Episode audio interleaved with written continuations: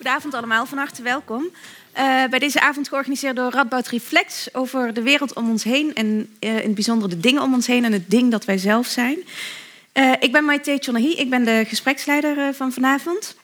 En we spreken vanavond met Arjen Klein-Herenbrink. hij is filosoof, hij promoveerde aan de Radboud Universiteit met een proefschrift op, op de Leuze. En hij werkt momenteel aan de Erasmus Universiteit. En hij spreekt vanavond over zijn eerste publieksboek, Alles is een machine. Um, dat volgens mij in april verschenen is, nu heel recent in ieder geval. En uh, het staat op dit moment uh, bij de Dekker van de Vecht op de campus uh, in de top 5 tussen Nijntje en de Gruffalo in. Dus een behoorlijk belangrijke plek.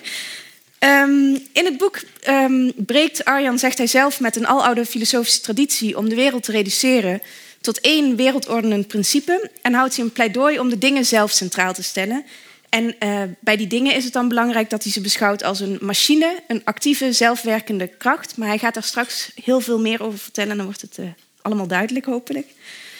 Um, de lezing van Arjan duurt ongeveer drie kwartier. Daarna ga ik uh, twintig minuten in gesprek met Joyce Vermeer-Goesman. Die is docent filosofie hier aan de Radboud Universiteit.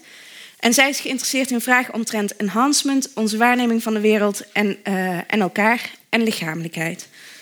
Dat gesprek duurt dus ongeveer 20 minuten en daarna heeft u als publiek nog eh, de ruimte om vragen te stellen. En om ongeveer 9 uur sluiten we de avond af. Ik geef graag het woord aan Arjen.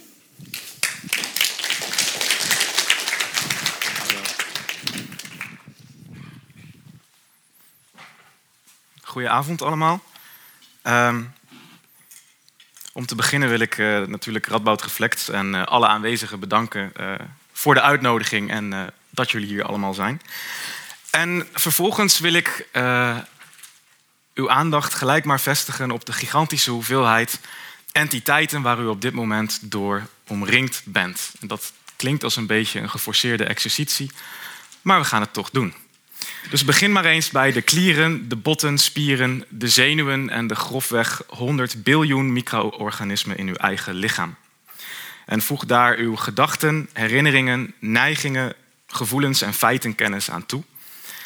Uh, en daar komt dan vervolgens bij de kleding die u draagt, uw telefoon en uw portemonnee, de stoel waar u op zit, de vloer onder uw voeten en de klimaatbeheersing van het gebouw. Tel daarbij op de vriendschap, de flirt, het ongemak of de vendetta die u met de persoon links van u in stand houdt bij op. En voeg er vervolgens aan toe de rest van het publiek, het geluid van mijn stem, de lampen aan het plafond, niet echt, het licht dat ze uitstralen, deze zaal, de muren van deze zaal de notitieblokken van de meer ijverigen onder u, plus de honderden geurtjes en geluidjes die we collectief gaan produceren in de komende kwartieren. En bedenk daarbij, geen van deze entiteiten is passief. Alle rust en stilstand die u wellicht meent te ervaren in die zooi, is slechts een tijdelijke situatie waarin een entiteit zo sterk ingeklemd wordt door haar buren dat ze zich eventjes koest houdt. En de materialen in de muren en de vloer blijven slechts op hun plek doordat ze constant kracht op elkaar uitoefenen. Uw herinneringen en gedachten, ook al merkt u het niet, zwermen op dit moment door elkaar heen en ze veranderen en verdringen elkaar. Uw kleding schaaft momenteel de bovenste cellen van uw huid en uw verteringsstelsel transformeert uw vorige maaltijd tot meer u. De geurtjes die ik net noemde trekken ondertussen langzaam in het meubilair en regenereren daarmee het mengsel van nieuwsgierigheid, verveling en tentamenangst waar iedere collegezaal ter wereld naar ruikt. En een dergelijk pandemonium, een dergelijk mengsel van allerlei entiteiten uit allerlei domeinen, speelt zich natuurlijk niet alleen maar af in deze zaal. Nijmegen zelf, Nederland, Europa en uiteindelijk de volledige planeet worden doortrokken door talloze entiteiten die elkaar produceren, veranderen, vernietigen, verdedigen, beschermen, recruteren, versterken en verzwakken. En het maakt daarbij niet zozeer uit of je dan kijkt naar orkanen, handelsverdragen, rivieren, vulkaanuitbarstingen, festivals, bacteriën of elektronica. Iedere entiteit in ieder domein laat zo zijn sporen achter in de wereld. Maar wij merken daar over het algemeen vrij weinig van. Het zwermen van de dingen wordt grotendeels door ons genegeerd. We zijn er niet zo goed in om dat allemaal in het oog te houden. We zijn er niet op afgestemd. Iedere wetenschapper zal dan ook kunnen beamen hoe ontzettend veel tijd, moeite en apparatuur en ook vaak geld en personeel het kost om slechts één interactie tussen twee entiteiten betrouwbaar en helder in beeld te brengen. En ergens is dat een zegen natuurlijk. We kunnen door een bos lopen zonder iedere geur, kleur, beweging, zonder ieder boompje, zonder ieder blaadje waar te nemen. Ehm, we kunnen in een ruimte zijn zoals deze zonder intens bloot te staan aan alles dat er gaande is. En was dat niet het geval, dan zouden we overweldigd worden door een oneindige diversiteit die we iedere seconde in een genadeloze volledigheid voor de kiezer zouden krijgen. Maar toch bestaat die diversiteit. Het aantal entiteiten waar u op dit ene moment mee te maken heeft, is oneindig veel groter dan het totale aantal mensen dat u in uw leven zal ontmoeten. Wij leven niet slechts te midden van subjecten, dat wil zeggen andere mensen, maar ook vooral te midden van andere objecten, de rest. Dat u hier vanavond bent gearriveerd was bijvoorbeeld slechts mogelijk door de werking van uw eigen lichaam, maar ook de reclame voor deze lezing, verkeersregels, uw vervoermiddel, stoplichten, een route op een website of in uw geheugen, schuifdeuren, een parkeerplaats, zonlicht en iets wat indirecter het systeem aan dijken en sluizen dat zorgt dat de Randstad niet onder water staat, waardoor deze zaal nu niet dient als opvangplek voor ontheemde Haarlemmers en Amsterdammers. Kortom, de objecten om ons heen zijn nogal van belang. Dat lijkt een banale claim, maar dat is het niet. Vandaar dus ook de filosofische discipline die de naam ontologie draagt, waarbij ontos wezen betekent, of zijnde, of iets dat bestaat, en logos theorie betekent, maar ook verzameling uh, kan betekenen. En ontologie is dus de theorie over wat het is om te bestaan, of de discipline die bestudeert op welke manier dingen verzameld worden. Of in mijn termen, het is de theorie over de dingenzwerm om ons heen. En uh, mijn boek, Alles is een machine, is zo'n ontologie. Een theorie over wat het betekent om een, om een entiteit te zijn, om een ding te zijn. Ongeacht, nog even los van wat ik dan bedoel met ding. Dat kan nog alles betekenen. En u merkt overigens direct dat ik nooit goede romans zou kunnen schrijven, want met de titel van het boek verraad ik natuurlijk direct de clue. Bestaan betekent een machine zijn. Met de clue is gelukkig het volledige plot nog niet verraden, want het is nog niet evident, hoop ik, waarom alles, is een, waarom een, waarom alles een machine is en wat het precies betekent om een machine te zijn en waarom dingen niet iets anders kunnen zijn dan een machine. En om alvast een tip van de sluier op te lichten, uh, het betekent natuurlijk niet dat alles lijkt op hijskranen of elektrische tandenborstels. Het is iets ingewikkelder dan dat. Dus ik wil vanavond twee dingen doen. Uh, ten eerste wil ik uitleggen waar mijn theorie zich tegen verzet. Uh, dus ik wil het hebben over wat er mis is met iedere theorie die stelt dat alles, dus alle dingen, geen machines zijn. En ten tweede wil ik het alternatief uit de doeken doen en duidelijk maken waarom het cruciaal is om te beseffen dat alles wel een machine is. En laten we dus beginnen met het eerste punt. De afgelopen 2500 jaar heeft de westerse filosofie de objecten, de objecten die om ons heen zwermen niet echt serieus genomen. Ze heeft meestal verkondigd dat de triljoenen entiteiten die de realiteit doorkruisen uh, helemaal niet bestaan. Om het iets technischer te zeggen, er is vrijwel altijd gedacht dat objecten gereduceerd kunnen worden tot iets anders. En dat er dan niks overblijft. Dat ze niks anders zijn dan iets waartoe je ze kan reduceren. Het zijn dus vaak uh, filosofieën geweest die objecten neerzetten als tweederangs burgers in de realiteit. Het waren hoogstens representaties of effecten van iets anders en alleen dat andere was uiteindelijk reëel. Een andere manier om dit te zeggen is dat men dacht dat het zijn of het wezen of het bestaan van entiteiten volledig werd uitgeput door een relatie met iets anders. Denk daarbij bijvoorbeeld aan iemand die zegt: liefde bestaat niet dat zijn gewoon onze hormonen die ons op sleeptouw nemen. Zo iemand reduceert liefde tot hormonen. Hij beweert dat wat wij liefde noemen slechts een fata morgana is, een spiegeling op het wegdek. Ten tweede stelt hij dat we deze illusie van liefde kunnen traceren naar of relateren aan hormonale activiteit. En beweert ten derde dat liefde niets anders is dan onze relatie met die hormonen. Liefde is voor hem dus geen entiteit die zelf een verschil maakt in de werkelijkheid. Het is slechts een teken, een aanwijzing van iets anders dat wel bestaat en effectief is. Dat is reductionisme.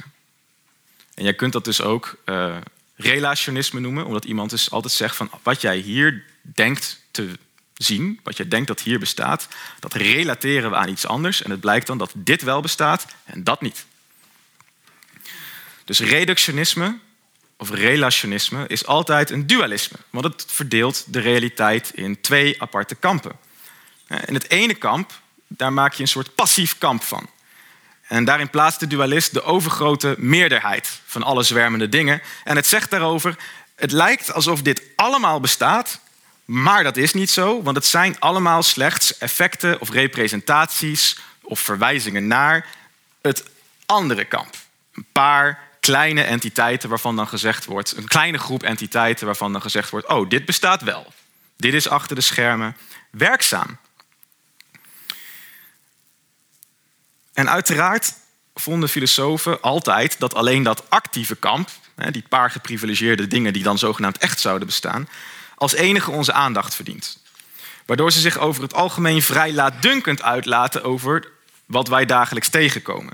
Socrates drijft bijvoorbeeld al de spot met alledaagse zaken zoals haar, modder en huisvuil. Volgens hem waren alleen de beroemde Platoonse ideeën, u wel bekend, uiteindelijk reëel.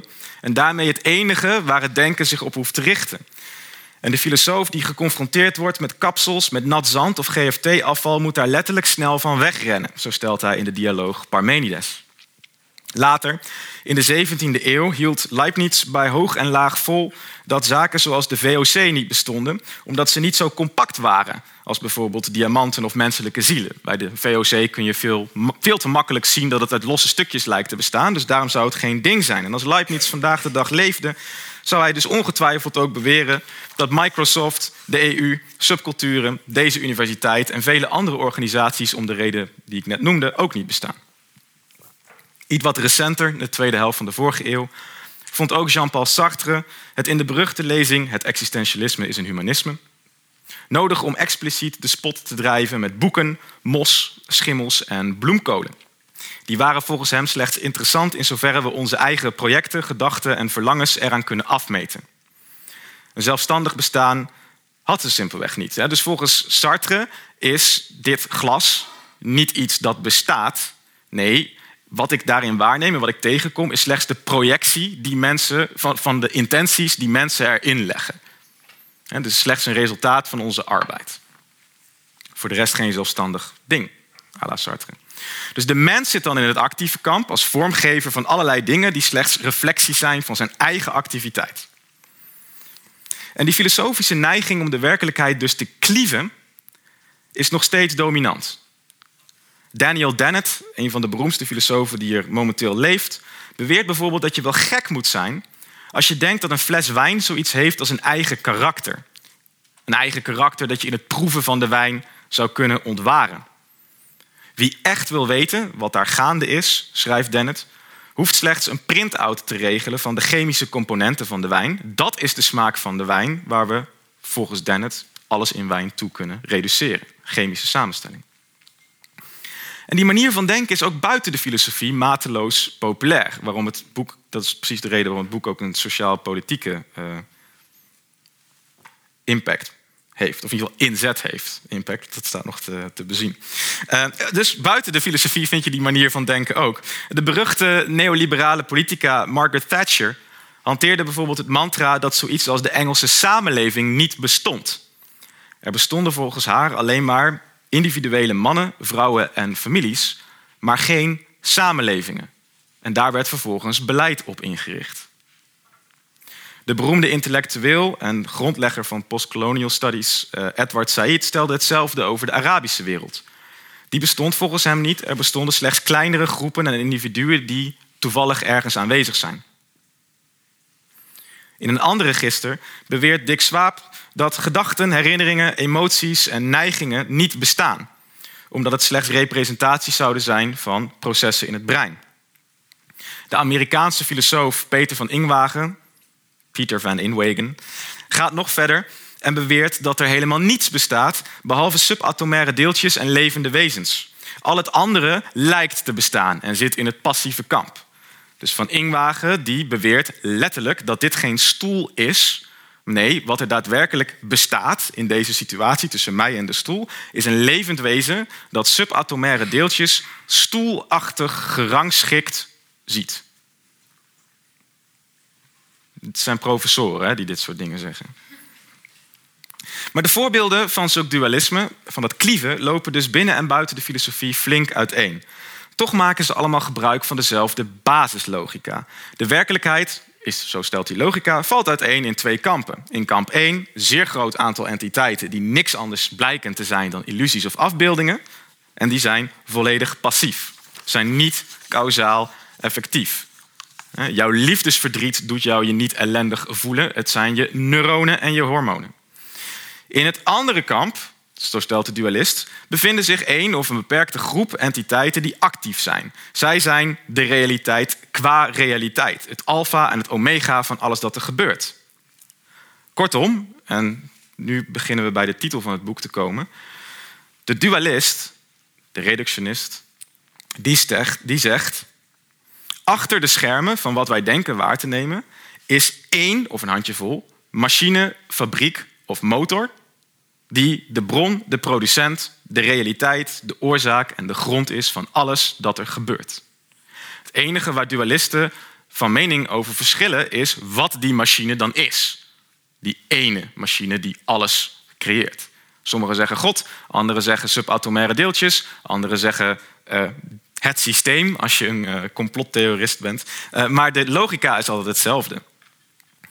En ondanks allerlei talloze verschijningsvormen zijn er slechts twee varianten van die logica. Uh, van reductionisme of dualisme.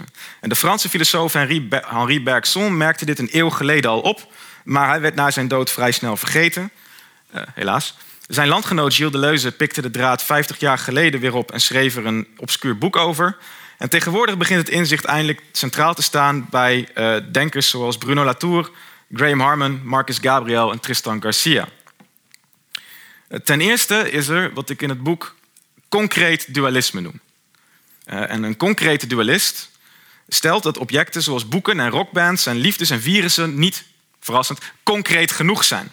Onder dat tapijt van dingen moet volgens hem of haar iets liggen dat dieper is, substantiëler, onveranderlijker, meer permanent is. Dit substraat wordt vervolgens gezien als de ultieme realiteit. Het zwermen en de diversiteit van de objecten in de wereld, die wij lijken tegen te komen, kun je volgens de concrete dualist allemaal reduceren tot die ene substantie die dan zou bestaan. En de bekendste verdedigers daarvan in de filosofie zijn de presocraten. Die immers dachten dat alles uh, bijvoorbeeld slechts lucht, bij Anaximenes of bij Thales water of voor Heraclitus vuur was. Voor Empedocles was het een combinatie van vuur, aarde, lucht, liefde en haat. En we mogen tegenwoordig graag denken dat we geavanceerder redeneren dan de naïeve, prewetenschappelijke presocraten. Desalniettemin maken we nog steeds gebruik van precies dezelfde logica wanneer we grote delen, of zelfs de hele realiteit, reduceren tot bijvoorbeeld subatomaire deeltjes, universele energie, dat is Stephen Hawking, het brein, uh, snares of noem maar op. Ook daar is sprake van concreet dualisme. Je zegt, er is van alles aan de hand, maar ergens daaronder ligt een soort betonnen fundament wat uiteindelijk alles is. Om dat technisch te formuleren, een concreet dualisme reduceert alles in de realiteit tot zijn meest fundamentele componenten. Uh, anders gezegd, ieder ding wordt dan dus opgelost in zijn relaties met zijn verwijzing naar zijn ultieme onderdelen. Om dit heel concreet te maken, er is ook sprake van concreet dualisme wanneer mensen bijvoorbeeld proberen om zaken zoals ADHD, depressies, schoolshooters en terrorisme te reduceren tot ongebalanceerde breinen of hormonen. Alle mogelijke culturele factoren worden daarmee bijvoorbeeld in het passieve kamp geplaatst en er wordt van gezegd dat heeft geen effect. Alleen de biologie telt mee. En uiteraard heb je ook mensen die precies het tegengestelde proberen te doen en zeggen alleen de cultuur telt mee. En je begrijpt dat dat een soort uh, gigantische set risico's met zich meebrengt om a priori al zo'n hele set mogelijke bijdragen aan een situatie uh, uit te schakelen. Dat is concreet dualisme. Alles als het ware in een fundament leggen. Ten tweede is er wat ik complex dualisme noem. Complex dualisme stelt dat de dingen zelf, ook weer verrassend, niet complex genoeg zijn. Het stelt dat camera's en stranden en rapporten en meteoren slechts passieve marionetten zijn die als het ware beheerd worden door poppenspelers die erboven hangen en die je op geen enkele manier met een normaal ding kan vergelijken. Dat is het verschil met concreet dualisme. Concreet dualisme zegt er zijn wel dingen, maar dat is een beperkte groep en die is basaler, substantiëler dan je denkt. Complex dualisme zegt de uiteindelijke aard van de realiteit, als je die als het ware als God zou kunnen zien, dan zijn dat helemaal geen dingen meer, maar iets anders. En dan zijn bekende kandidaten zoiets als ideeën, maar ook netwerken, structuren, velden, krachten, patronen en perspectieven. En die moeten dus niet gedacht worden als harde objecten, maar veel eerder als regels of relaties of snoeren die tussen alles spelen en alles aan elkaar rijgen. Het bekendste voorbeeld noemde ik al eerder toen het over Socrates ging. Dat zijn de ideeën van Plato. Volgens Plato bestaan er buiten onze wereld eeuwige, onveranderlijke, zuivere ideeën die de ultieme vormen en daarmee realiteit zijn van alles dat er bestaat. Een andere bekende eh, entiteit die wel eens aangevoerd wordt als de ultieme realiteit die overal boven zou hangen, is natuurlijk God als centrum van de realiteit. En bijna net zo bekend is hoe filosofen zoals David Hume en Immanuel Kant uiteindelijk zouden beweren dat niet God, maar het menselijk subject in het centrum van de werkelijkheid staat.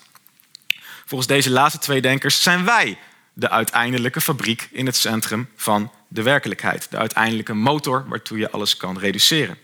Hume vond het bijvoorbeeld onzin om te verklaren dat er zoiets zou bestaan als appels.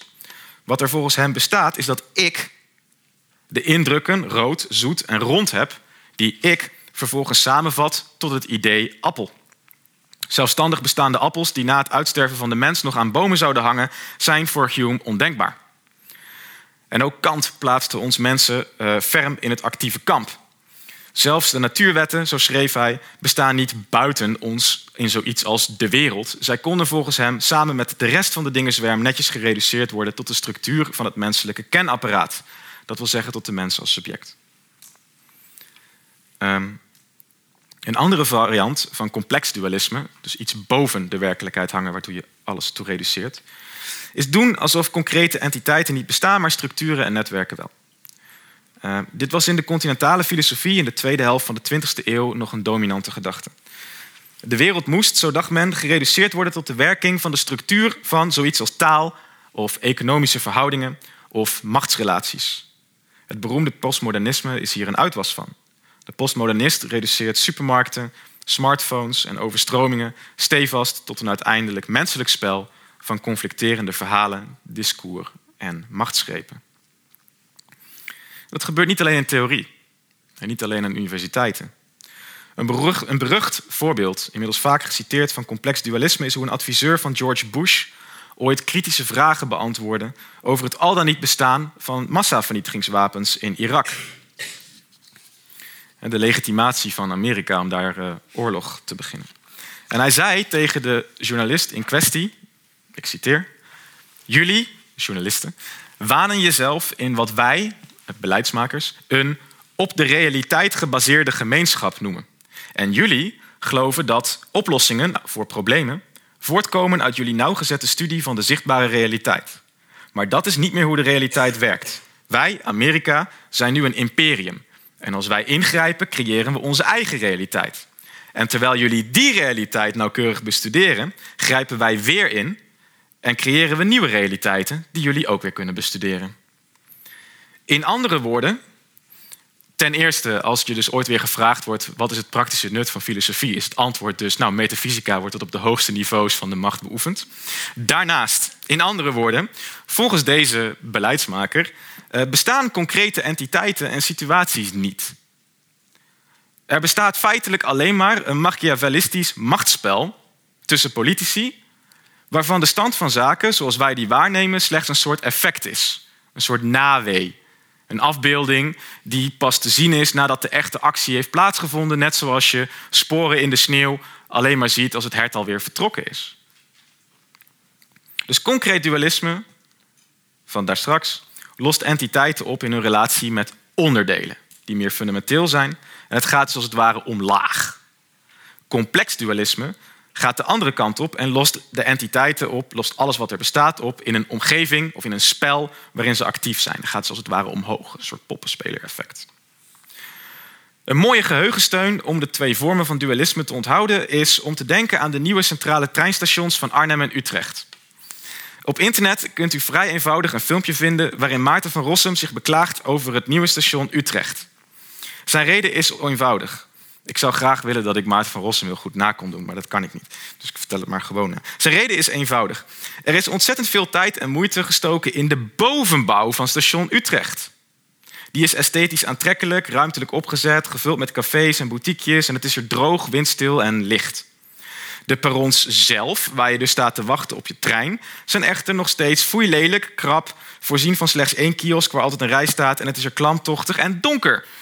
Dus de perrons zijn genegeerd. Alles waar je daadwerkelijk verkeert is genegeerd ten faveur van wat er boven hangt.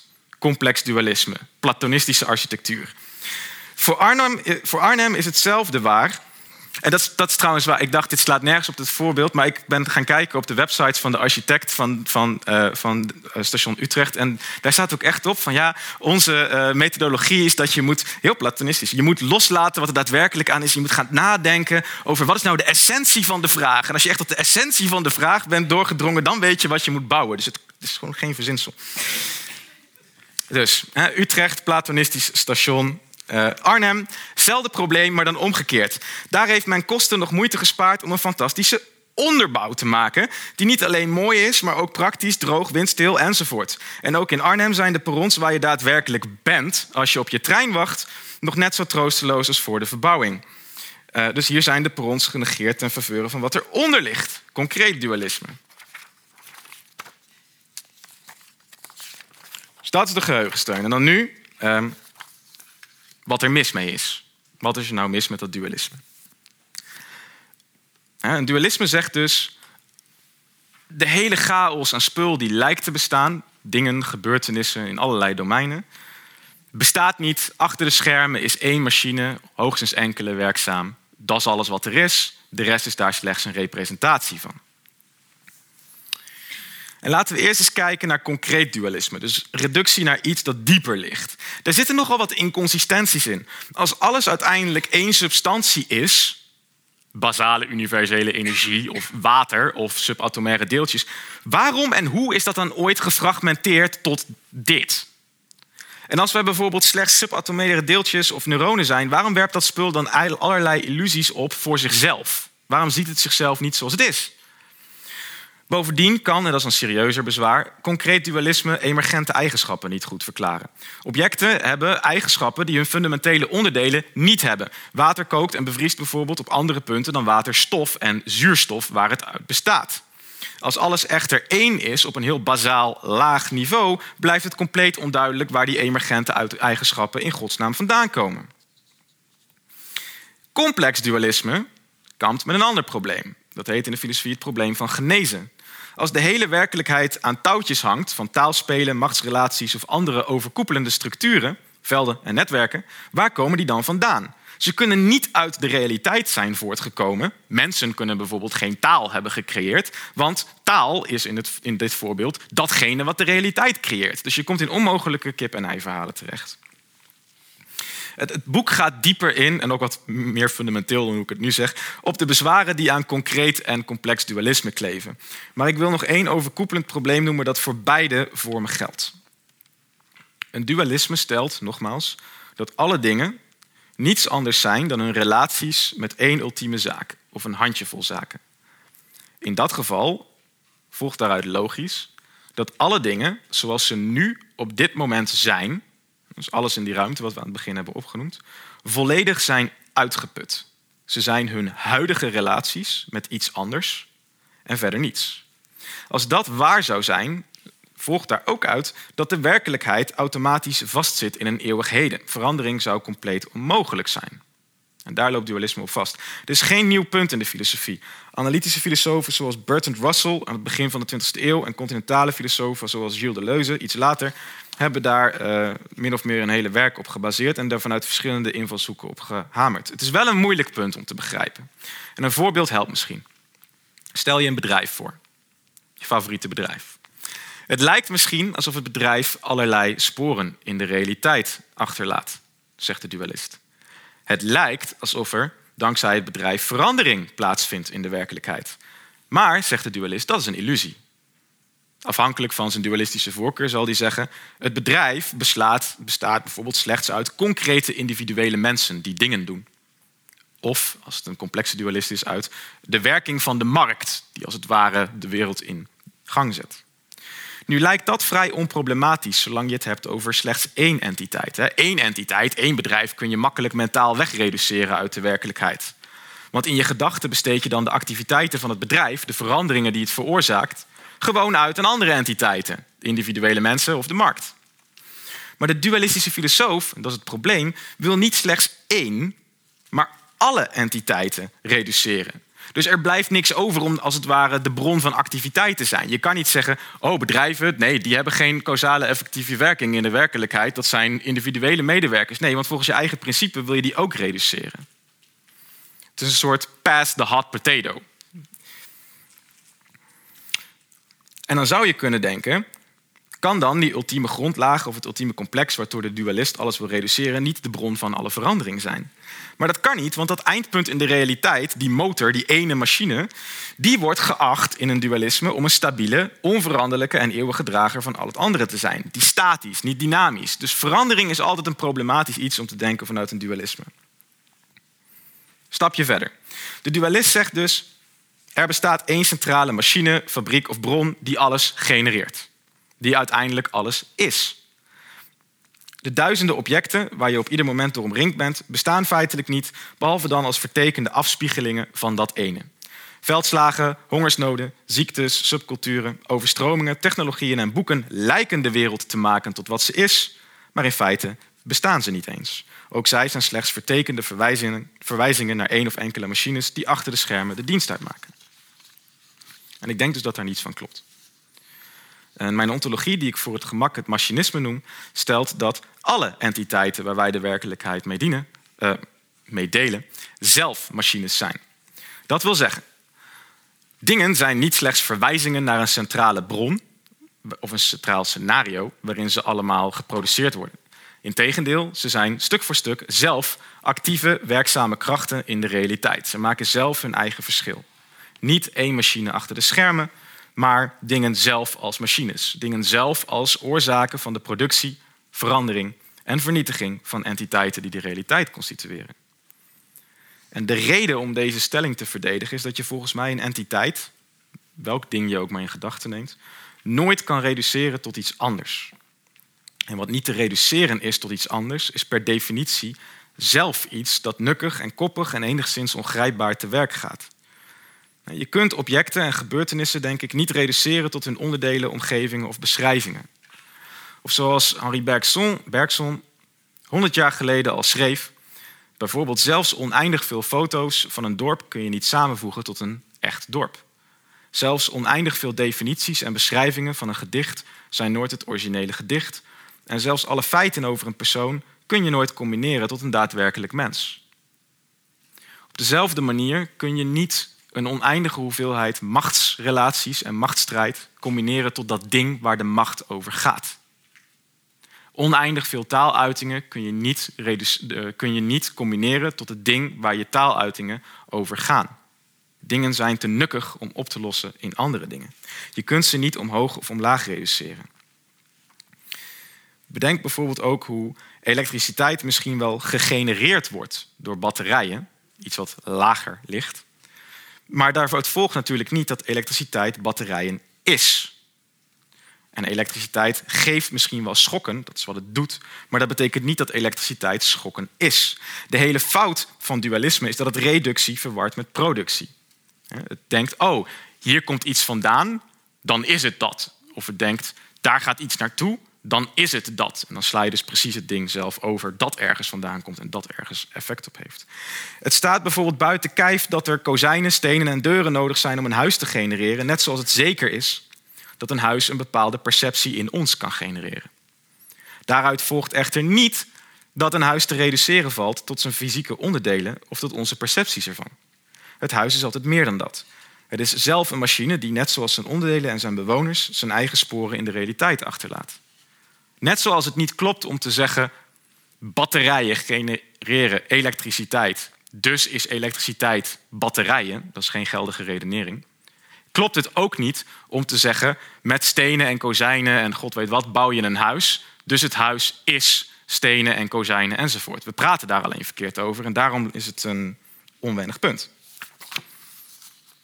Dus machinisme draait om de toekenning van volledige realiteit aan iedere entiteit, zodat niets meer gereduceerd wordt tot een verondersteld fundament of plafond in de wereld. En overigens doen we dat in een aantal domeinen al lang. In de kunst bijvoorbeeld begrijpt iedereen dat een Van Gogh meer is dan de verf waar het, waar het schilderij uit bestaat. En ook meer dan de ervaringen die individuele bezoekers ervan hebben. Ook in het geval van bijvoorbeeld deze universiteit begrijpen we dat het een entiteit is die meer is dan zijn onderdelen. En meer is dan zijn omgeving. Dat is dan ook de reden dat de universiteit constant kan wisselen van studenten, locaties, docenten en cursussen, maar toch hetzelfde ding kan blijven. Net zoals een mens dezelfde persoon blijft, ondanks dat we per zeven of acht jaar al onze onderdelen eh, eigenlijk recyclen, wisselen. Ook in de beleving van zoiets als festivals denken we al enigszins machinaal. Iedereen begrijpt dat je op Down the Rabbit Hole zoiets kan beleven als het festival. En het festival is meer dan de tenten, optreden, bezoekers, dure drankjes en nog duurdere hapjes die het genereren. Net zoals elektriciteit meer is dan batterijen die het genereren. In andere woorden, volgens het machinisme is iedere entiteit als machine altijd meer dan de omgang die die heeft met andere zaken. Zelfs al is hij daarvan afhankelijk. Dat is de meest fundamentele betekenis van onreduceerbaar zijn. Het is dus niet je gedachten of je brein, en dan kiezen welke er echt is, maar je gedachten en je brein. Niet individuen of de markt, maar individuen en bedrijven en de markt. Niet de natuur met een hoofdletter N, maar ontelbare hordes entiteiten die variëren van ameubes tot snelwegen tot tektonische platen, die elkaar produceren, veranderen, recruteren en bedriegen. En dat werpt natuurlijk een vraag op. Als entiteiten niet omlaag te reduceren zijn, dan zijn ze niet hun onderdelen. En als ze niet omhoog te reduceren zijn, dan zijn ze niet hun acties of eindpunten. Maar als iets niet is wat het bevat, en ook niet iets is, maar als iets niet is wat het bevat, en het is ook niet wat het doet, wat is het dan? En mijn antwoord daarop, of in ieder geval het antwoord in de theorie daarop, is dat een entiteit uiteindelijk zijn vermogens is. En vermogens worden weliswaar gegenereerd door waar je je aan koppelt als entiteit en geuit in wat je doet als entiteit, maar ze vallen daar niet mee samen. Je kunt ze er niet toe reduceren. Stel bijvoorbeeld dat je Frans leert. Je gebruikt daarvoor boeken en audiobestanden en leraren. Jouw interactie met die entiteiten genereert in jou een bepaald vermogen om Frans te spreken. Maar je vermogen om Frans te spreken is natuurlijk geen podcast of tekstboek. Je kunt je vermogen aanwenden om daadwerkelijk een Frans gesprek te voeren, maar het gesprek is een uiting van dat vermogen en niet dat vermogen zelf. Net zoals lopen een uiting of een gebruik is van een vermogen, maar niet dat vermogen zelf. En de reden daarvoor is simpel. Als het zo was dat lopen hetzelfde was als je vermogen om te lopen, dan zou je na één keer lopen stoppen met lopen en zou dan ook het vermogen om te lopen stoppen. Dan zou je na één keer lopen nooit meer kunnen lopen. Dat is absurd, daarom geldt dat niet. De vermogens van een machine zijn dus altijd dieper in zekere zin dan het contact met andere entiteiten, dieper dan de manier waarop de machine zich in de buitenwereld gedraagt. Vermogens worden volgens het machinisme gereduceerd. Nee, sorry. Hm. vermogens worden volgens het machinisme gegenereerd vanuit de ontmoetingen die een entiteit heeft gedurende zijn bestaan. En de mens is daar een goed voorbeeld van. Je bent niet je onderdelen en je bent niet je handelingen. Sterker nog, jij bent ook niet je gedachten je angsten, je verliefdheden of emoties. Want ook dat zijn aparte entiteiten die niet door jou tot jou te reduceren zijn. Je bent er de generator van. En zij kunnen zo hun effect hebben op jou, maar je bent ze niet. Daarom kun je ze kwijtraken. Wat jij bent, is je vermogens. Jij bent een complexe structuur van vermogens die je verwerft doordat talloze organische, fysieke, menselijke, dierlijke, mentale, fictieve en andere entiteiten zich aan je hebben gekoppeld en hun sporen op je hebben achtergelaten. Wat jij bent is feitelijk niets meer dan de sporen van de rest van de wereld. En dat is natuurlijk een proces dat nooit stopt. Je vermogens, of wat met een technisch woord essentie heet, zijn dus veranderlijk. Het geldt niet alleen voor mensen, maar voor iedere entiteit die je maar kan verzinnen. Het machinisme stelt dus dat iedere entiteit absoluut onreduceerbaar is maar dat wat er onreduceerbaar is aan entiteiten, hun vermogens, wel degelijk een, een resultaat is van ontmoetingen met anderen. Dus het wereldbeeld dat bij deze filosofie hoort, is dat van een pandemonium. Er bestaat geen stabiel, eeuwig en onveranderlijk fundament onder ons. Er bestaat geen overkoepelend, allesomvattend plafond boven ons. Er is geen centrale machine die van achter de schermen alles produceert. Alle entiteiten in alle domeinen zijn zelf machines. Het zijn hun ontmoetingen, botsingen, oorlogen en bondgenootschappen die de realiteit constitueren. Dus wie de wereld wil begrijpen, of zelfs maar een stukje daarvan, kan zich daarom nooit veroorloven om haar te reduceren. Reduceren betekent slechts dat je verandert van onderwerp en je originele interesse uit het oog verliest. Wanneer Daniel Dennett zegt dat wijn eigenlijk chemische bestanddelen is, geeft hij daar eigenlijk alleen maar aan dat hij niet geïnteresseerd is in wijn, maar in scheikunde. Wie in plaats daarvan de machines wil begrijpen, zal zich in het pandemonium moeten storten en zo goed, als kwaad, zo goed en kwaad als het gaat in kaart moeten brengen met andere machines, hoe talloze onreduceerbare dingen hun sporen op elkaar achterlaten. En dat is niet makkelijk, maar het is wel het correcte begin. Dank jullie wel.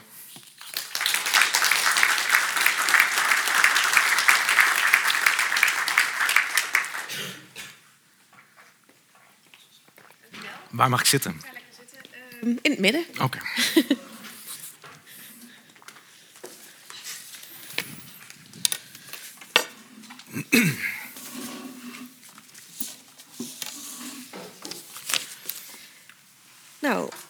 Arjen, bedankt. Joyce, zal ik jou eerst gewoon even om een korte reactie vragen ehm, op de lezing? of misschien heb je, heeft het vragen bij je opgeroepen, dat kan ook. Eh, ja, het heeft heel veel vragen bij mij opgeroepen. Eh, wat mij vooral eh, heel erg verbaasde is, is je geeft een lezing, je hebt een boek geschreven. Ja, dat vind ik ook zeer ja, verbazingwekkend. nee. want We kennen elkaar al lang en dat zat er niet echt in. Ja, maar- ik, ik zag het niet aankomen. Nee. Nee. Nee, ik denk al die jaren dat je aan dat proefschrift bezig bent, dat zal vast niks uitkomen. Nee, wat mij verbaasde is dat eh, je volgens mij op de eerste pagina al begint met is het, dit is een anti-reductionistisch boek. En dat heb je vandaag ook veel gezegd. En dan kijk ik terug naar de titel en dan is de titel Alles is een machine. Waarom is dat dan geen vorm van reductionisme? Heb je niet een klassiek reductionisme of een complex of Ja. een. eh, eh, welke soort reductionisme vervangen door een nieuw soort reductionisme? Ja, nee. Ehm, want het, verschil is dat er is een verschil tussen een substantiële ontologie en een formele ontologie. Dus een substantiële ontologie, dat is eh, zeggen dat je weet wat iets is. Daarmee geef je antwoord op de vraag wat is x. Ehm, dat betekent dat je de inhoud van iets pretendeert te kennen. En dat is wat je doet, eh, dat is wat al die breinboeken doen. Die breinboeken die zeggen van als je God zou zijn en je zou je gedachten op de snijtafel leggen, dan zou je kunnen zien, oh, dat is neuronen. Dat is substantiële ontologie. Je pakt een ding en je doorgrondt de substantie, de inhoud, het spul dat het uiteindelijk is. Een formele ontologie gaat niet, en dat is wat alles is een machine is, eh, gaat niet over wat er in dingen zit. Het gaat over de regels waar dingen zich aan houden. Dus de, de vormen, de, de formaliteiten die ze in acht nemen. Dus wat ik een aantal keren heb herhaald tijdens de lezing, eh, is ook het fundamentele punt waar het boek uiteindelijk mee begint. Namelijk, je kunt een entiteit nooit reduceren tot iets anders. Er is geen sprake van dit bestaat niet, dit bestaat wel. Er is alleen sprake van botsingen en spel tussen die entiteiten. En van daaruit, dat is te eh, veel om in één keer nu te zeggen. Maar van daaruit denk ik in het boek een aantal principes te kunnen afleiden. Waardoor je uiteindelijk een vrij helder beeld eh, krijgt van wat, er, eh, wat de regels zijn waar de realiteit zich aan moet houden. Op straffen eh, van anders contradictoir zijn. Maar Dus de betere titel zou zijn, is alles machineert. Om aan te geven dat het om de vormen gaat die dingen in acht nemen. Eh, het is alles is een machine geworden. En in principe had het ook alles is een kracht of alles is een gebeurtenis of alles is een, een, eh, een, eh, een ziel kunnen zijn. Want waar het uiteindelijk niet zozeer om gaat is de term, waar het om gaat is de set regels waar die term voor staat. Maar op het moment dat je zegt, het had ook alles, heeft, alles is een ziel of alles is een, een essentie of hoe je het wil noemen, Ja. dan klinkt dat toch ook voor mij reductionistisch in, in, in de oren. Dus je hebt het net ook over het, het individu. Als je daar naar kijkt, dan zeg je, je bent niet je onderdelen, je bent Ja. niet je lijf, je bent niet je handelingen. Ja. Je bent je vermogens. Dan Ja. heb je dus een heleboel dingen eigenlijk al weggestreept, die, die we dus allemaal niet zijn, Ja. om vervolgens te wijzen naar datgene wat we wel zijn. In hoeverre Ja. is dat dan anders? Wat is daar mis mee? Dan, nou, in hoeverre, ik zeg niet dat daar iets mis mee is, maar Nou, in is hoeverre is dat niet reductionistisch? Omdat Want je, je- schraapt een heleboel dingen weg, eigenlijk net als een Platonist misschien zal doen, als De- zijnde minder reëel. Nee, niet minder reëel. Dat, dat, heb ik niet, dat heb ik niet gezegd. nou, als zijnde niet behorend tot je kern. Niet behorend tot je kern. Ja, dat klopt. Eh, een ander punt wat belangrijk is, waar ik niet aan toegekomen ben in de lezing, wat ik wel een beetje heb gezegd, is dat je de vermogens van een entiteit nooit volledig kan kennen. Dus wat een reductionisme altijd claimt, dat heet in, in filosofie heet dat uh, dan wel ontotologie, dan wel aanwezigheidsmetafysica, is uh, dat je als het ware op een A4'tje kan opsommen wat iets uiteindelijk is. Dat kan in deze ontologie voor mij niet. Ik kan aan de hand van wat in dit boek staat, van geen enkele entiteit zeggen: dit zijn de precieze vermogens die iets of iemand heeft. Sterker nog, ik denk dat er geen enkele manier is om helder te doorgronden wat de vermogens van iets of iemand zijn. Waarom? Omdat entiteiten naar buiten toe, hoe ze zich manifesteren aan anderen, slechts partjes, slechts tekens, slechts deeltjes van die vermogens uh, actualiseren. Dus wat jij nooit aan mij kan zien, wat jij nooit bloot kan leggen, is: uh, oh, uh, Arjen's vermogen om te lopen. Want het enige wat jij mij kan zien doen is één act van lopen. Maar daarmee kun je nooit in beeld brengen wat het volledige uh, spul, als het ware, Mhm. is. Wat ervoor zorgt dat dat überhaupt kan. En waarom is dat belangrijk dat we dat nooit kunnen weten? Omdat dat Nou, dat is niet belangrijk, dus dat is gewoon zo hoe de boel werkt. Oké, goed. Nou, en het, en, en belangrijk, uh, het is belangrijk ook om consequent te zijn. Dus zodra je zegt, ik kan de essentie, want dat is een oud woord wat ik om een aantal redenen een beetje probeer te vermijden. Zodra je zegt, ik kan de essentie van iets kennen, dan zeg je in feite, de essentie van, uh, uh, van het glas valt samen met de beschrijvingen die ik ervan kan geven. Dat is reductionisme. Want dan zeg ik, ik kan alles wat hier is in zijn relatie met de taal die ik gebruik en met mij volledige aanwezigheid maken. Die kan ik als het ware uit het glas trekken en presenteren. En ook aan jullie allemaal laten zien. Volgens mij kan dat dus niet, omdat dingen zo onreduceerbaar zijn tot iets anders, dat zelfs onze beste talige manieren ze nooit helemaal kunnen weergeven. Je zegt net dat, uh, dat je het woord essentie probeert te vermijden. Mm -hmm. uh, volgens mij heb je het vanavond best wel een aantal keer gezegd. En het komt ook in je boek uh, vaak terug. Ik zeg niet dat ik er heel goed in ben. en, eh, maar ook wat ik begrijp van wat jij als essentie ziet. Dat is, eh, een essentie is bijvoorbeeld veranderlijk. Ja. staat niet vast. eh, is van alles mee aan de hand. Maar waarom noem je het dan toch essentie? Van alles wat jij verstaat onder een essentie, zou ik juist zeggen: nee, dat is juist het tegenovergestelde van wat een essentie is. Ja, prima. Dat is, maar dat wordt ook uitgelegd. Hè. Dus dat traditioneel wordt gedacht dat essenties uh, stabiel en onveranderlijk en eeuwig zijn. En dat heeft een heleboel filosofische problemen opgeleverd. Namelijk als je denkt dat alles wat bestaat, daadwerkelijk bestaat, ultiem bestaat, essenties zijn. En die staan stil en die zijn eeuwig en onveranderlijk dan kun je niet verklaren waarom, de boel zo veranderlijk is of zelfs maar lijkt. Je hebt geen, je hebt geen voldoende grond om verandering te verklaren. Dus, mijn hele, uh, uh, dus wat er dus gebeurde is dat ontologie of metafysica een tijd lang heel onpopulair is geweest. Impopulair is geweest, impopulair is geweest. Waarom? Dat mensen dachten van ja, dan ga je essenties aanwijzen. Maar we weten inmiddels wel dat met het aanwijzen van essenties je nooit een volledig beeld kan geven van de dynamiek in de realiteit. Dus dacht men, metafysica, dat kan niet meer door de beugel en dat moet maar dood. Zo werd het letterlijk gezegd. Uh, door Heidegger. Maar uh, de fout, en daarom probeer ik enigszins polemisch die term essentie weer te gebruiken. De fout is juist dat. De fout is niet dat metafysica niet kan, de fout is dat essenties verkeerd gedacht zijn. Namelijk als stabiel en onveranderlijk. Terwijl het enige wat nodig is om metafysica te redden van zijn uh, onterecht verklaarde dood, is uh, inzien dat essenties kunnen veranderen. Maar waarom moeten we het dan toch over die kern? Waarom hebben we het dan toch over een kern als het, als het inderdaad een totaal veranderlijk ding is? Want het is niet totaal, zo netjes zoals je net al aangaf, een persoon verandert eens in de zeven jaar, was het geloof ik, zei je, een universiteit verandert van studentenpopulatie, ja. van gebouwen, et cetera. Maar toch blijven we het over die universiteit hebben. We hebben het wel ergens over ja. een, een ding, zoals jij zou zeggen. Nou, dit, dit, dit, dit, dat, dat, uh, daarin ben ik het gewoon eens met uh, Leibniz en Husserl. En uh, aangezien uh, gelukkig we allemaal geen Leibniz en Husserl lezen, ik ga het kort uitleggen. Dus wat, wat, wat Husserl, uh, fenomenoloog uit de 20e eeuw, Duitser, ontdekt, en dat is belangrijk, is dat als ik iets waarneem, dat dat niet alleen maar een bundel kwaliteiten is. Wat zijn kwaliteiten? Kwaliteiten zijn dingen zoals kleur en geur. Dus als ik naar een standbeeld zit te kijken, dan zie ik niet alleen maar grijs en groen en god weet wat. Ik zie volgens Husserl ook het standbeeld, het ding standbeeld. En waarom zie ik dat volgens Husserl? Omdat ik kan zitten op een terras en ik kan naar een standbeeld kijken terwijl de val van het licht de kleuren van, die van dat standbeeld verandert. Het gaat van grijs naar groen, naar een beetje blauwig enzovoort. Maar het blijft datzelfde standbeeld. En als ik dat standbeeld in een andere ruimte plaats waar meer of minder druk is, dan verandert het gewicht van, de van het standbeeld. Als het warmer of kouder wordt, verandert de omvang van het standbeeld. Dus de kwaliteiten, de kenmerken die wij kunnen waarnemen van het standbeeld veranderen. Maar er is ook nog zoiets als het standbeeld in de waarneming. Dus er is veranderlijkheid en eenheid. En dat is nodig, want anders zou de realiteit loszand zijn.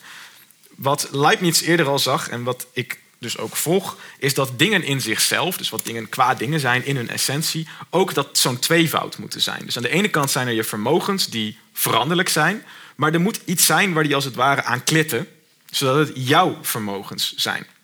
En niet iets wat ergens gewoon losjes rondzweeft. En dat noem ik de kern van een machine. Ehm, meer is het niet. Wat is dan het verschil tussen een kern en een essentie?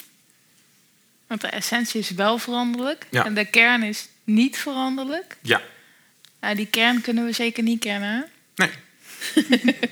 ja, daar kun je om lachen, maar de, feitelijk denk ik dat dat dus precies is hoe dingen in elkaar zitten. Dus neem bijvoorbeeld een, een, een, iets waar ik vaak ge- gebruik van maak, is het voorbeeld van liefde. En dan gaan we er even vanuit dat iedereen het na dit verhaal ermee eens is. En anders doe je maar alsof. Dat je liefde niet kan reduceren tot eh, eh, een bodem van hormonen en een eh, top van Hollywoodfilms. Dat daartussenin ook echt iets bestaat. Dan is heel duidelijk dat wat liefde is, kan veranderen tussen personen. En dat het ook door de tijd heen kan veranderen. Maar dat het wel degelijk iets concreets blijft. Dus er is eenheid en veelheid nodig. Iets moet kunnen veranderen, maar het moet ook één blijven. Je hebt een beetje verzet nodig en je hebt een beetje meegankelijkheid nodig. Ik weet niet of dat een woord is, anders is dat het nu. De reden dat je eenheid nodig hebt, is omdat als er geen eenheid is, dan vliegt alles door elkaar en is het hele universum in één voorbij. Dan is er niks om verzet te plegen, om dingen tegen te houden. Maar de reden dat je dynamiek nodig hebt, is om te zorgen dat, dat het universum niet bevroren is en dat er niks kan gebeuren. Dus je hebt op alle niveaus, in alle entiteiten, altijd die twee aspecten nodig. En dat, dat, is, dat is niet zo. Voor ons is dat nou ongemakkelijk, maar in de scholastiek, dus, dus eh, grofweg duizend jaar filosofie, eh, noemden ze dat een formeel onderscheid. Een formeel onderscheid is twee aspecten van hetzelfde ding. Eh, net zoals bijvoorbeeld. eh, men dacht dat het intellect in de tijd, intellect en de passies allebei in de ziel huisden. Dat waren geen, men dacht niet, het zijn twee of drie verschillende dingen. Nee, het is een formeel onderscheid. Ja, Op dezelfde manier is er ook een formeel onderscheid, om het makkelijker te begrijpen, tussen een, u als eh, vriend van iemand en u als kind van iemand. Je bent geen twee entiteiten, dat zijn gewoon twee aspecten van jou, maar je bent ze wel allebei. En je kan niet zeggen van, nou, dit deel van mijn hand, dat, daar zit de vriendschap.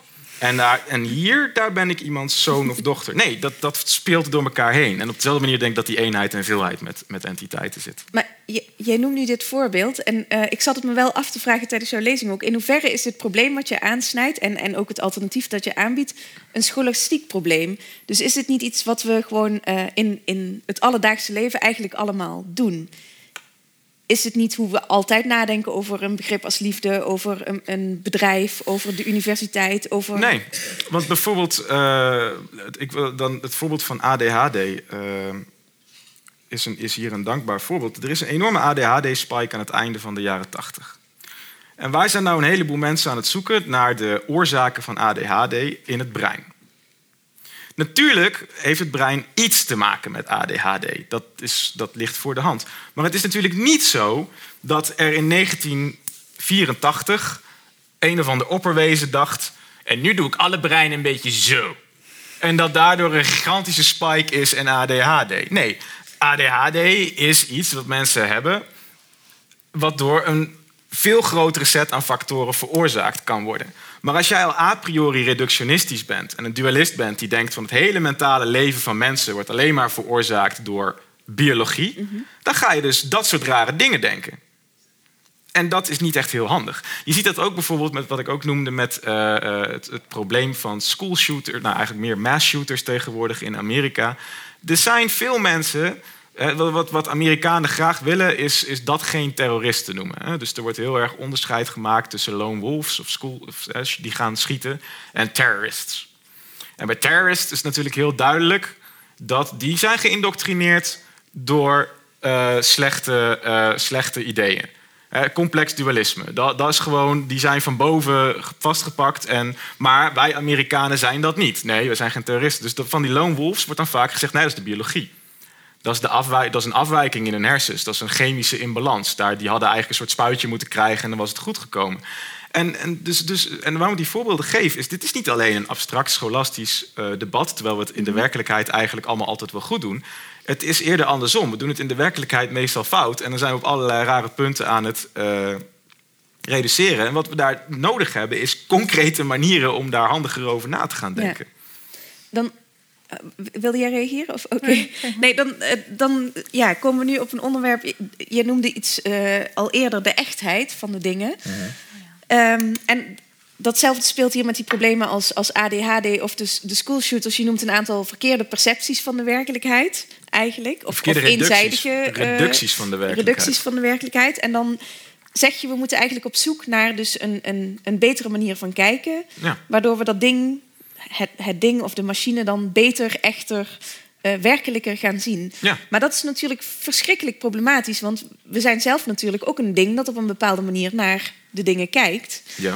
Uh, en dat is hartstikke subjectief. Hoe, hoe ga je daarmee om? Is dat een kwestie van consensus? Is dat een kwestie van uh, je moet mensen overtuigen van wat de juiste manier is om naar een schoolshooter te kijken? Nee, juist niet. Want dit is bijvoorbeeld het. Uh, dit, is, dit, probleem zou gelden als ik Ulrich Beck was, de beroemde Duitse theorist. En die zegt, die zegt van: oh, er is eigenlijk één werkelijkheid. Die was in de lezingsfeest daar. Er is eigenlijk, nee, daar. Er is eigenlijk één werkelijkheid. En wij mensen hebben daar duizend verschillende perspectieven over. En dat is natuurlijk super subjectief. En we kunnen die werkelijkheid in zichzelf nooit kennen. Maar we kunnen wel weten dat die er is. En daarom moeten we maar een beetje soort met z'n allen lief tegen elkaar doen. Want we weten toch allemaal dat we het een beetje fout hebben. Maar ik ben niet zo'n idealist die denkt dat alleen onze percepties de werkelijkheid maken. Ik denk dat wat er gebeurt en wat er het geval is, door entiteiten zelf, dus ook triljoenen entiteiten buiten ons, uh, bepaald wordt. Dus in het boek geef ik het voorbeeld van hoe bepaal je of de aarde rond is. Er is nog een serieuze, en het heeft niet veel leden, maar ze zijn bloedserieus, Flat Earth Society. Mensen die ontkennen dat de aarde rond is. Nou, de enige manier, en dit is ook de, iets wat een filosoof als Bruno Latour of Gilles Deleuze vaak aangaf en, en wat ik ook graag uh, mag zeggen. Het enige, de enige manier die je hebt is uh, experimenteren. Dus in entiteiten gaan prikken, metingen doen, ermee uh, ze van context veranderen en kijken wat je uiteindelijk overhoudt. En het punt waarom de ronde aarde het wint van de platte aarde, is dat de aarde zelf, dat ding, die machine, die zit in het kamp van de mensen, zeg maar, die mhm. supporter van het kamp rond, omdat hij daar zelf in meewerkt. Uh, op dezelfde. Uh, nee, dat is het hele punt. dat, is, dat, is, dat is basically het punt. Dus de reden waarom het niet subjectief is, niet volledig subjectief is, is dat precies entiteiten ook zelf meespreken in hoe wij ze waarnemen. En dat soms, uh, het is niet altijd 100% precies. Dus, dus in kunst, met kunst is dat heel uh, duidelijk, dat er wel degelijk een subjectief aspect aan zit. Voor sommige mensen in een museum zie je een glas op een tafel staan en denkt iemand: Oh, dat is een kunstwerk van die persoon die glaas op tafel zet. Dat is super transcendent. Dus die denkt dat is één ding. En ik loop er langs en ik weet er geen bal van. En ik denk dat zijn twee dingen namelijk een glas en een uh, tafel.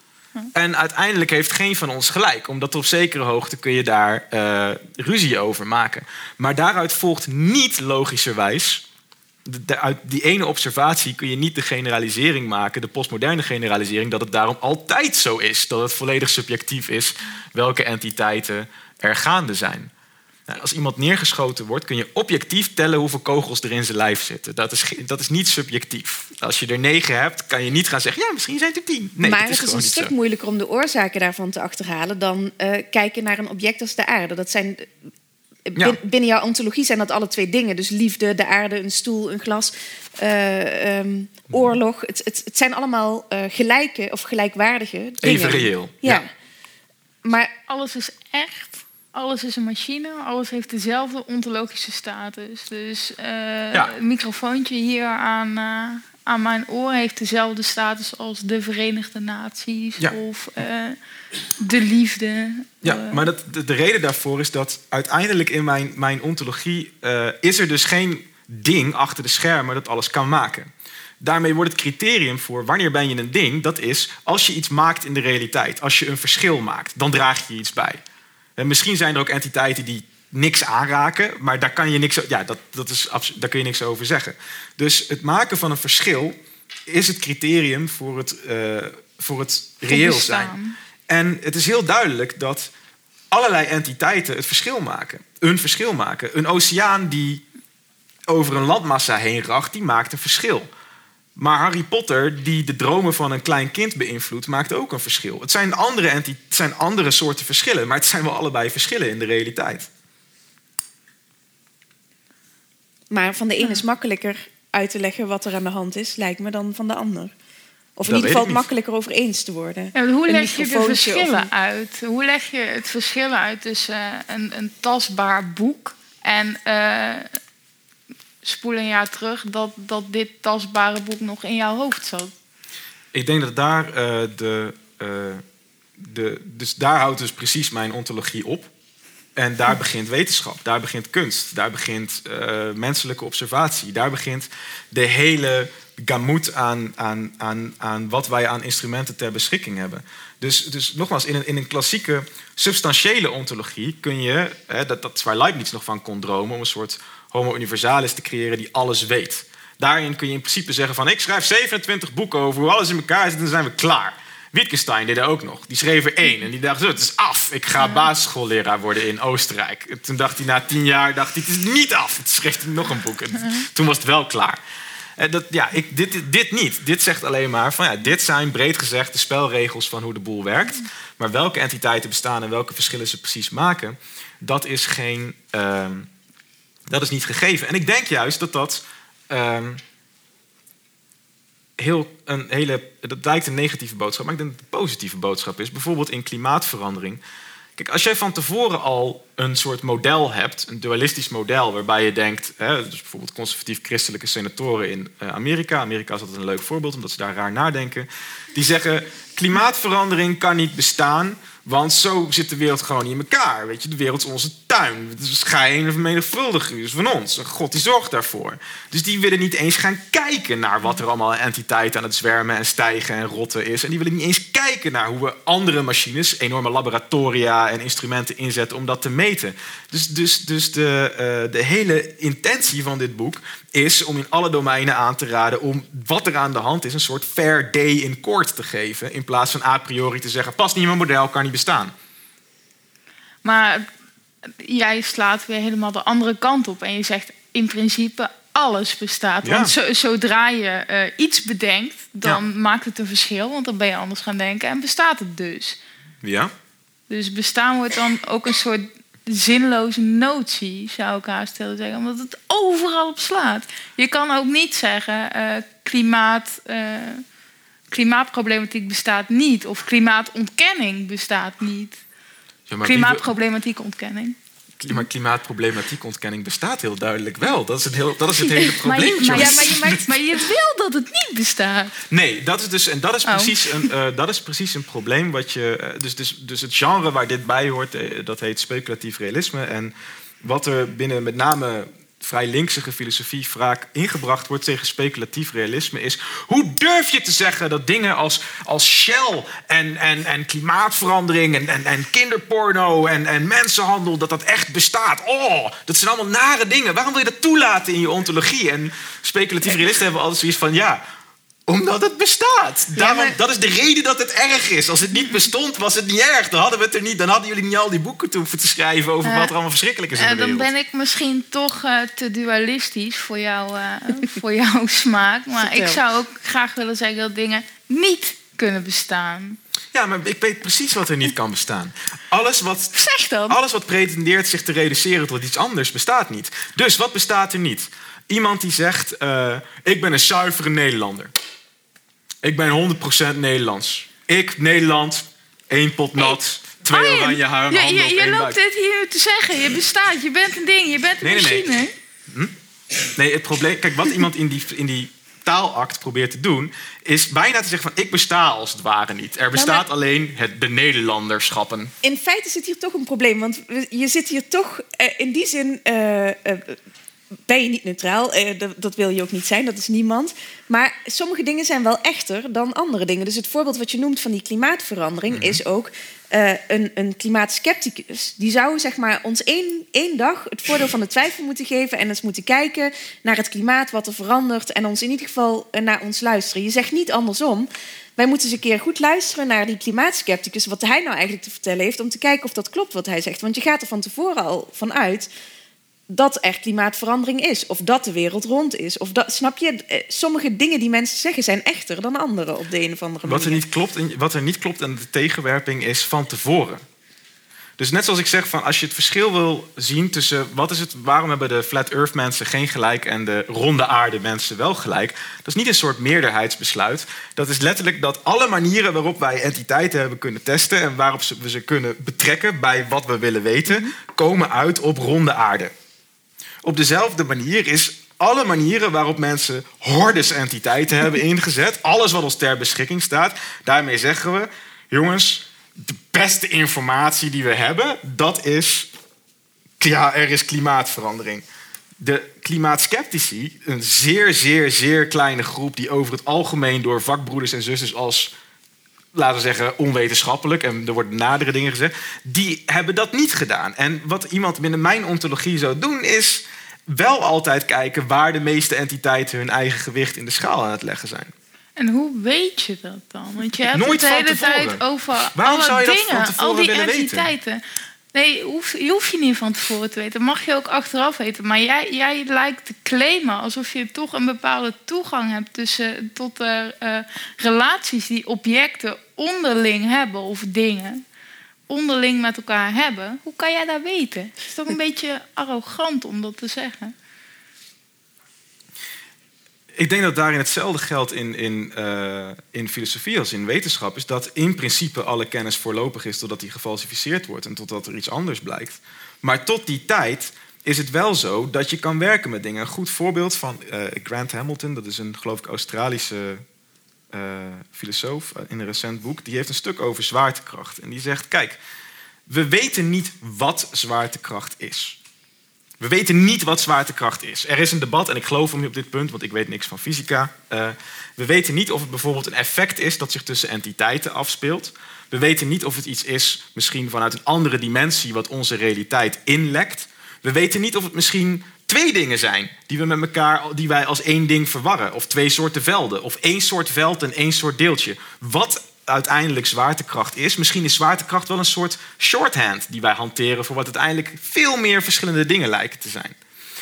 Echter, we kunnen wel die entiteit of dat effect of die entiteiten waarnemen op een manier waardoor we er al heel veel mee kunnen. Dankzij wat we weten over zwaartekracht kunnen wij mensen op de maan zetten. Dankzij wat we weten over zwaartekracht kunnen wij satellieten in een baan brengen en houden. Dankzij om aarde. Dankzij wat we weten over zwaartekracht kunnen we precies plannen hoe we een of ander apparaat op Mars moeten krijgen. Niemand hoeft daarvoor te weten wat zwaartekracht is. En of zwaartekracht uiteindelijk 1, 2, 26, 30.000 of wat voor ook dat dingen zijn. We hoeven ook niet eens te weten wat de aard is van zwaartekracht. We hoeven alleen maar een hele zooi aan entiteiten op zwaartekracht los te laten. En ongeveer daaruit te bepalen van, oh, zo reageert het op bepaalde situaties waar we het inbrengen. Dit is precies wat wetenschappelijk experiment is. Wetenschappelijk experiment is iets in een ruimte gooien en erin prikken en er dingen mee doen en kijken hoe het reageert.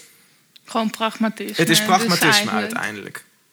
Dat is trouwens ook precies, los van wetenschap, dat is ook precies wat, waarom, uh, wat, waar, hoe we omgaan met liefde. Niemand zal ooit uh, de uiteindelijke definitie van liefde hebben. Van, oh, uh, het is klaar, uh, iemand van de Radboud Universiteit, onze, liefdes, onze lovologist, die heeft hier uh, een half A4'tje en het is klaar. En dat iedereen zegt van, oh, nou weten we wat liefde is. Alle singer-songwriters kunnen met pensioen. De romantische comedies hoeven we nooit meer te zien. Iedereen kan met dat blaadje naar zijn partner en dan is het dat samen lezen en dan is het 30 jaar goed. Nee, maar het is ook niet zo dat we niet weten wat liefde is. We hebben een ontzettende bak aan verhalen, aan poëzie, aan wetenschap, aan anekdotes over liefde. We hebben als het ware duizenden jaren lang in en om liefde heen lopen te prikken. En daardoor hebben we een aardig setje ideeën over wat dat ongeveer is en hoe we ermee om kunnen gaan. Maar liefde is altijd wel een ding tussen twee mensen. Of hoeft niet zo te zijn. Ja, dus er maar- komt vaak wel een mens een, of een waarnemend subject bij kijken. Je hebt het nu ook in die, die voorbeelden over de wetenschap... heb je het wederom over een, een waarnemend subject. Mhm. En ik vroeg je naar de relatie tussen objecten. Dus hoe... Ja, maar daar blijft het van over dat je de regels daarvan kan kennen, maar de precieze interactie daarvan niet. Dus je weet niet wat er, wat, hoe een meteoor eh, door de maan ervaren wordt als die erop inslaat. slaat. maar je weet wel dat ze aan deze basisregels moeten voldoen. Ik wil graag nog even over naar het publiek. ook. Je krijgt nog de kans om, eh, om te reageren. Zijn- Zijn er vragen of opmerkingen vanuit het publiek? Of eh, vragen over dingen of machines? Of, eh, Ja, daar achterin. Komt een microfoon naar je toe. Ik hoorde mooie opmerkingen van generator en vermogen. Is niet alles gewoon te reduceren tot energie? Nee. En eh, waarom niet? Eh, de reden daarvoor. Ja, het is jammer dat we geen bord hebben. Eh, als je alles reduceert tot, tot energie. dan moet je je afvragen: die energie die alles eigenlijk is. is dat één homogeen veld, ja of nee? Als je antwoordt ja, dan heb je als het ware één universeel groot blok boter of iets dergelijks. Een soort homogeen veld waar geen differentie in zit. En dan loopt je stuk op de vraag: hoe kan het dan dat er eh, verandering plaatsvindt? En als de boel één homogeen blok is, valt dat niet te verklaren. Dan moet je dus zeggen: eh, oh, energie kan geen één homogeen blok zijn, dus energie moet bestaan uit meerdere processen of entiteiten of facetten. En daartoe gaat weer dezelfde vraag spelen van zijn die dingen dan één of zijn ze niet te reduceren tot elkaar? En kom je weer in dezelfde logica die, terecht die ik eh, verdedig. Dus aan de limiet zou ik zeggen, zelfs al nemen wij elkaar enigszins verward waar en de wereld ook en blijkt alles uiteindelijk energie te zijn, dan nog bestaat energie uit aparte entiteiten die niet tot elkaar te reduceren zijn, want anders is er geen dynamiek mogelijk. Eh, of om het anders te zeggen, om een werkelijkheid te hebben heb je minstens twee verschillende dingen nodig en dan zit je al in deze logica. Zou je kunnen zeggen positieve en negatieve energie? Wordt er gevraagd. Daarvan weet ik te weinig over, eh, over ladingen en dergelijke. Dus ik ontsla mezelf op grond van onwetendheid van die vraag. Sorry. Zijn er meer? Ja, hiervoor. Eén momentje, er komt een eh, microfoon naar je toe.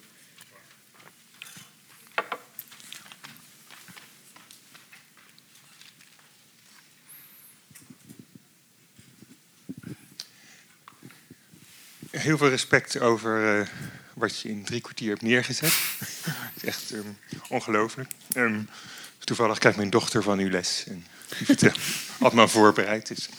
Ehm, Het cijfer blijft hetzelfde. Dus maar bedankt voor het, com- bedankt voor het compliment. Zeker. Ehm, ik heb toch misschien een beetje een flauwe vraag. Ik lees alleen maar filosofie in de avonduren. Het is niet mijn eh, dagelijkse werk. Ehm, en ik heb wel e- een paar dingen over, deze, over speculative realism gelezen. Mijn vraag is als volgt. In hoeverre is eh, je boek uiteindelijk toch te reduceren... tot eh, ideeën van Latour, Deleuze, de Landa... en allerlei andere auteurs die je genoemd hebt... Ehm, qua ideeën vooral. Ik begrijp dat dat niet in de Nederlandse taal is. Dus, Ja. Oftewel, wat is het inzicht wat hier Wat voegt bij komt, wat er toe? aan toe wordt gevoegd? Eh, er zit een appendix in waarin ik dat eh, eh, uitleg. Daar ga ik het ook lezen. Maar eh, om het heel even kort te doen, dus, dus wat je. eh, ehm, dat speculatief realisme. Je hebt twee, twee vrij jonge genres eh, nieuwe metafysica. Vanaf ongeveer de millenniumwisseling, grofweg, net iets eerder eigenlijk. En die heten respectievelijk speculatief realisme en nieuw materialisme. Speculatief realisme is heel sterk in de Engelstalige wereld, Duitsland en Frankrijk. Eh, nieuw materialisme is wat internationaler en heeft ook een sterke Nederlandse basis. Eh, grofweg, heel grofweg, heel, heel grofweg, eh, leggen speculatief realisten, zoals Harman, leggen heel erg de nadruk op dat entiteiten zich terugtrekken uit hun relaties. Maar die doen dat zo sterk dat ze verandering niet meer goed kunnen denken. En nieuw materiaal, volgens mij, hè, dus dan hè, de mag uitmaken of dat klopt. En de nieuwmaterialisten die leggen zo'n eh, sterke nadruk op de veranderingen die plaatsvinden, dat ze de eigenheid van dingen verliezen. En wat dit boek probeert te doen, dat kondigt het ook in de inleiding aan, is een, is een gulden middenweg proberen te vinden. Want wat er gebeurt is dat de veranderingsdenkers, die zeggen tegen de statische denkers van jullie zijn te statisch en vice versa. En er wordt dus gedaan alsof dat onverenigbare posities zijn. Ik denk dat niet. Ik denk dat er een gulden middenweg te bepalen is waarin je op een logische manier kan deduceren uh, hoe entiteiten onder elkaar zich aan bepaalde spelregels houden. Op zo'n manier dat je zowel hun eenheid als hun veelheid kan denken. Want anders uh, kom je in problemen. Bijvoorbeeld. Uh, nee, ik ga, niet, ik ga er niet nog. Nee. Ja, dan kom je in problemen. U zei, u zei de Lambda. kijk, de Lambda die moet uiteindelijk bijvoorbeeld. Die, die hanteert termen als. de realiteit is uiteindelijk één veld. dat, dat probleem waar we net op wezen, dat homogene boterblok. De realiteit is uiteindelijk één veld. En dat is dan uh, continu, homogeen, maar toch ook zit er heterogeniteit in. En dan wordt hem gevraagd van ja, maar Manuel, uh, homogeen en heterogeen tegelijk, hoe zit dat? En dan zegt hij nee, dat, moet je gewoon aannemen. En dan denk ik ja, maar nee, dat, dat kan niet. En ik denk dat er dus, dus, oplossingen te verzinnen zijn voor de punten waarop die denkers vastlopen. En uh, dat die ook logisch blijven. Nog meer vragen? Mag het ook zeggen als u het er niet mee eens bent? nou, ik, ik heb. oh ja. Dank voor de lezing. Ik ben zelf een, een grenswetenschapper, dus zoek even de grenzen op van, uh, van het ding. Waar liggen de grenzen eigenlijk van het ding? Er werd al even al de vraag gesteld: van, kan het ding zichzelf wel waarnemen? Uh, om, en, om, om, en kan het ding dan nog iets anders zijn dan, dan de waarneming van het ding? Wordt het dan niet een cyclisch verhaal waarin alles een ding is en dat ding zelf dan ook weer een ding is. Oftewel, wat zijn de grenzen eigenlijk van een ding dat anders maakt dan, dan, dan weer het andere ding? Ja, dat, dat is eigenlijk de korte samenvatting van waarom het problematisch is om een mens te zijn.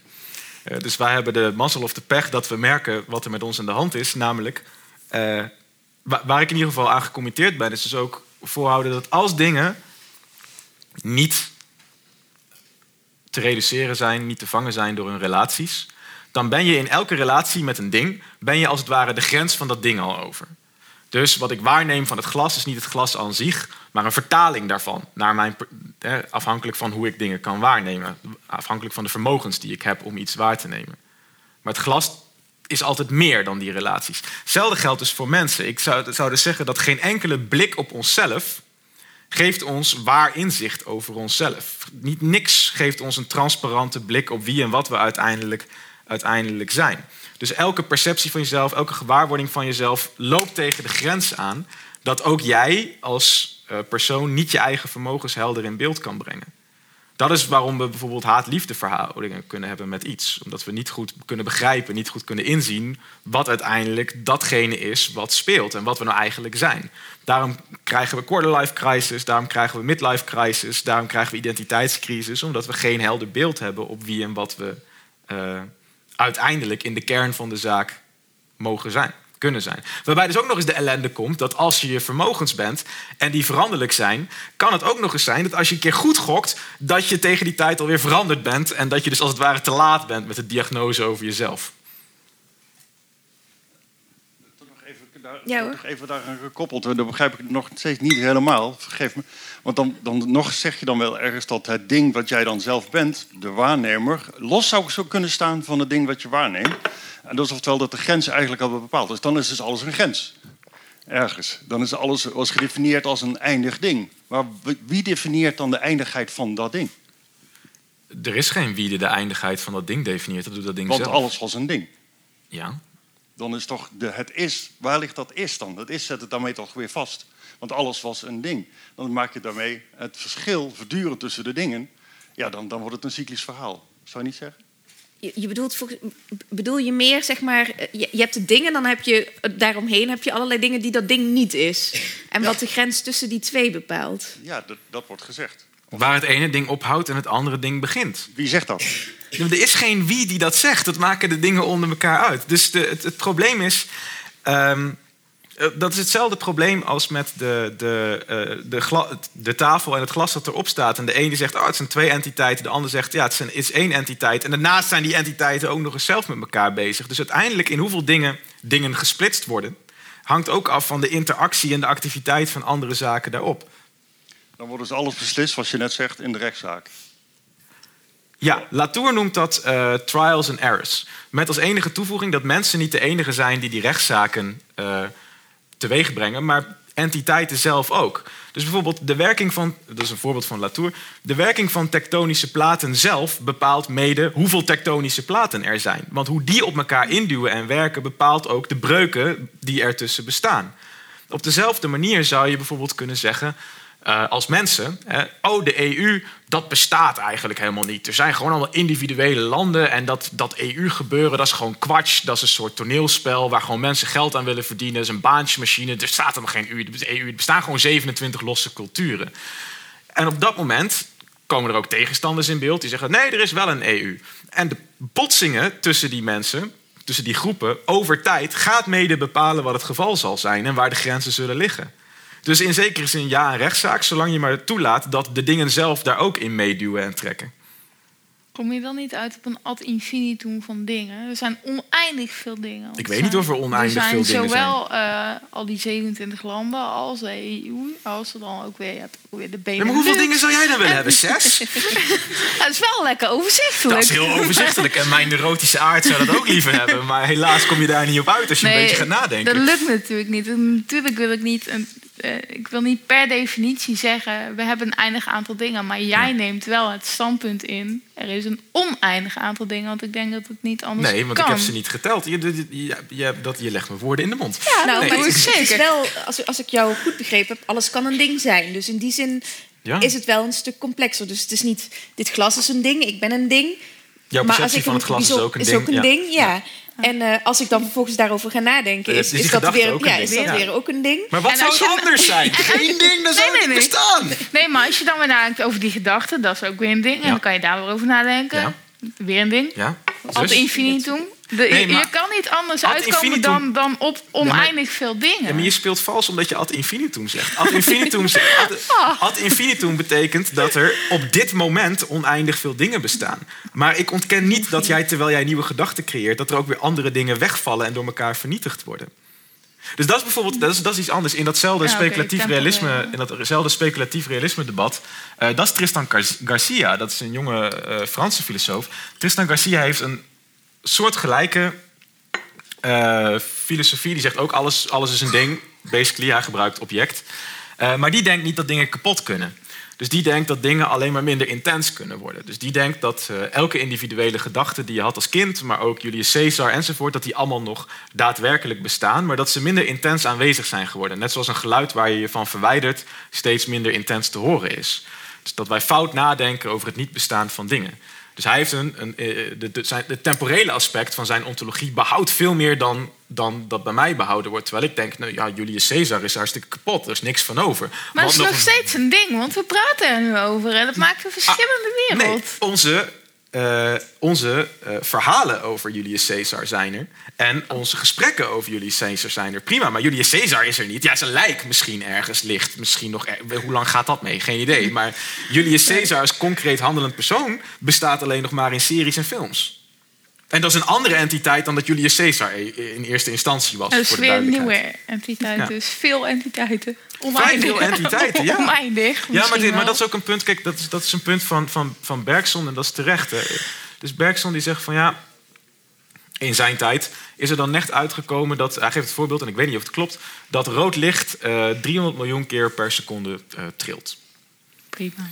Prima. En, hij, en, maar dat, dat is zijn stuk over sceptisch tegenover wetenschappers. Want hij stond daar niet altijd even slecht, uh, niet altijd even vijandig tegenover. En hij zei van ja, maar het feit dat jij dat je niet concreet kan voorstellen, betekent niet dat dat niet klopt. Heel simpel. Het feit dat wij weten dat er 100 biljoen uh, micro-organismen in je lichaam zitten, dat is anderhalve kilo aan individuele levende wezens. Dat kun je je niet voorstellen, maar dat maakt het niet onwaar. En het feit dat er misschien wel oneindig veel dingen bestaan, dat kun je niet in je hoofd voorstellen, maar dat maakt het niet onwaar. Dus er zijn wel oneindig veel Dat weet ik niet, maar als het zo zou zijn, zou het geen argument tegen deze ontologie zijn. In ieder geval is het ongelooflijk veel. Ja. daarop Ja, maar ook zonder deze ontologie bestaan er ongelooflijk veel dingen. Zou je de, het aantal objecten in deze zaal zou je al niet kunnen tellen. Mm. Alleen, de, wat niet correct is, is zeggen... en daarom bestaan ze eigenlijk gewoon niet. En mijn favoriete ding, mijn favoriete laagje in de werkelijkheid... of dat nou God is of brein, dat bestaat wel. dat is toch een vreemde, een vreemde beweging die je dan maakt. Nog iemand die wil reageren? Nee, dan, ik heb wel één afsluitende vraag, want je hebt het de hele tijd over dat ding. Maar jouw boek is, gaat over dat dat ding een machine is. En eh, je hebt het wel kort eigenlijk even genoemd, maar eigenlijk heb je het heel weinig gehad over die machine zelf. En waarom het nou zo belangrijk is dat dat ding geen ding is, maar een machine. Ja, eh, er zijn drie redenen voor. Eh, de eerste reden is dat over entiteiten praten in termen van machines is gewoon een lopend filosofisch stukje jargon, waarbij ik, waar ik me in een bepaalde traditie schaar. Niet de meest eh, bekende traditie, maar toch een traditie waar ik mijn brood mee verdien. Dus ja, voor mij is dat gewoon een pure continuïteit met wat ik eh, doe.